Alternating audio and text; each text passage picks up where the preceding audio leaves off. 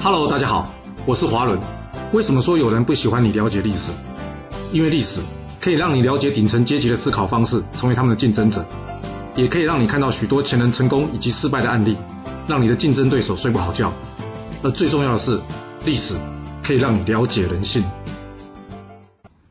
我们刚刚在战国第四十七集故事中讲到，侯婴建议信陵君啊偷取兵符以援助赵国。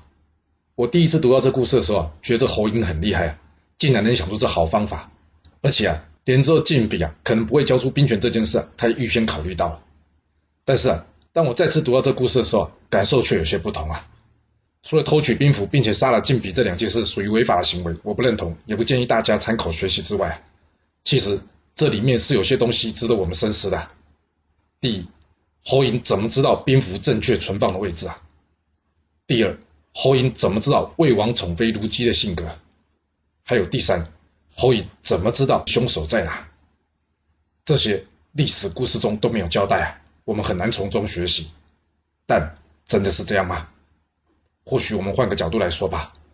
若是我们生活在战国时期，处在侯颖的位置，你觉得有哪些事情是侯颖需要知道的？大王、重要大臣，甚至各国相关人员的性格以及喜好，嗯，这点关系到做人，很重要。这些资讯应该信陵君平常也会有所打听。对侯婴来说，他的老板是信陵君，他要了解的主要对象应该是信陵君以及他可能会碰到的人。那要不从做人角度，而是从做事情的角度来看呢？当时有什么事情非常重要呢？战国时期，顾名思义，最常发生的事件就是战争啊。所以，主导战争的人事物，是不是有需要先打听或是了解一下？看看今天故事中的侯嬴啊，他清楚的掌握啊，发动战争所需要是什么，就是这兵权，而这兵权的具体化的物品呢，就是虎符。那虎符在哪？谁能拿到虎符？这个人有什么喜好？以及就算能掌握这虎符，这率领军队的将军能否接受控制？侯嬴都是没有事先先去打听以及了解，他是不可能临时跑出这个答案的。而至于凶手是谁，这点历史上也没提到。不过我们可以猜测啊。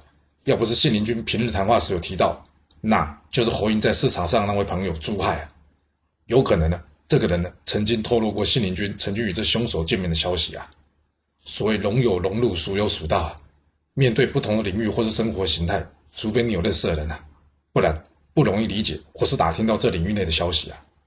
那回过头来说吧，这些事跟我的生活有什么关系啊？除非你不是帮人家打工或是做生意的，要不然。这怎么可能跟你没关？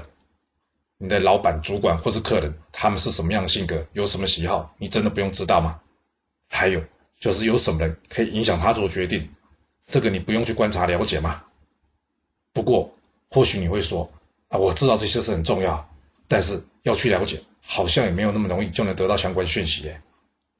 其实啊，这可以从心理学家荣格他对人的四种分析中啊去学习以及取得。这点改天我有空的时候再整理跟各位说明了。而除了这点之外呢，另外我们有一个古代人没有的神器啊，什么神器？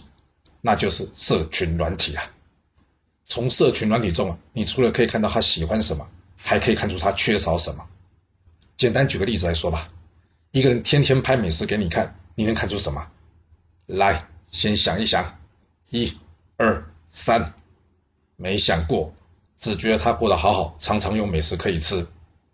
哦，千万别这样用社群媒体啊，因为这样用可能会让你得忧郁症啊。人家放出来的通常是好的一面，你没有必要去跟人家比较啊。那除了看哪里有好吃的东西外，我还能看什么呢？是，要是这人跟你的生活关联不大，这美食啊就是参考资讯；但要是这人与你生活息息相关啊，你就得解读一下这里面的资讯啊。对方常常放都是高档餐厅，这代表什么？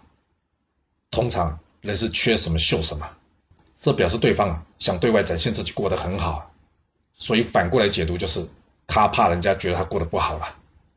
那你有没有想过为什么？还有就是你觉得一位信心不够的人容不容易把别人给他的建议呢当做是批评呢？那这点你在给他建议的时候是不是应该要考虑一下？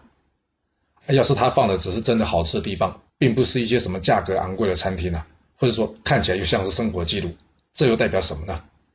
没有刻意经营自己的形象可能很多啊，但通常是两种，一种是不需要，就像前者；一种是什么？没想过，就像是后者。这点还需要从他的言论，并配合他的食衣住行等综合判断啊。我今天呢，先不讲太多，以免有人会觉得我太八股了。其实关于做人啊，古人早就告诉我们做人的 SOP 了。你不信啊？那好，你有听过“修身齐家治国平天下”这句话吗？那你知道在修身的前面还有一句话是什么吗？修身的前面呢，就是洒扫、应对、进退。你有认真思考过这三件事跟修身有什么关系吗？从洒扫可以看出一个人做事的态度啊，而从应对可以看出一个人的思维模式。至于进退嘛，就是要清楚明白什么环境、什么状况、什么时候可以说什么话，什么时候不可以说话，而这些。我们都能做得到吗？一个人养成做事认真的习惯他就不会随便。想要学应对啊，简单的做法就是什么？先学怎么听人家说话，然后再学怎么回答。只要留意身边的人啊，哪些人话说得好，或者他回答的好，再比对你所看过的书或是历史故事啊，这样就可以将所学用于生活，而不用去死记硬背，这过程就会简单许多。而至于进退嘛，这一点则需要时间累积啊。不是有句话说吗？用三年学说话，用一辈子学闭嘴啊！今天故事中的侯影不就亲身示范了一次什么时候该闭嘴吗？没错，永远要记住啊，以终为始啊。比方说，你为什么急着要处理这件事？因为这件事很重要，所以你是要将这件事处理好，还是要赶快处理啊？那在处理之前，你脑中要想的是快。还是过程中有什么样的人或是事情的要素会影响或是协助我们在预计的时间内完成这件事情啊？我们常常听到一句话“急事缓办”啊，这句话并不是要你把很急的事情慢慢拖慢慢做啊，而是要在心态上先理清楚啊，如何能排除完成这件事情所有的障碍，或者说找到完成这件事情所有的资源啊。时间虽然会给我们压力啊，但是不能让它影响我们处理事情的过程啊。厨师需要看过食材或者吃过这食物，这东西才有可能成为他的作品啊所以，学习前人经验，留意身边的人事经历，这样我们才有可能做出属于自己的拿手好菜。你说是吧？若是您有其他想法，也欢迎留言分享您的看法给大家哦。好了，我们今天就先说到这。若是你想要知道完整版的故事内容，欢迎您可以到说明栏中找到我爱故事频道的连结。要是你喜欢这个频道，还要麻烦您动动你的手指，点赞、订阅、追踪，或是给我五星评价的支持，以及留言分享哦。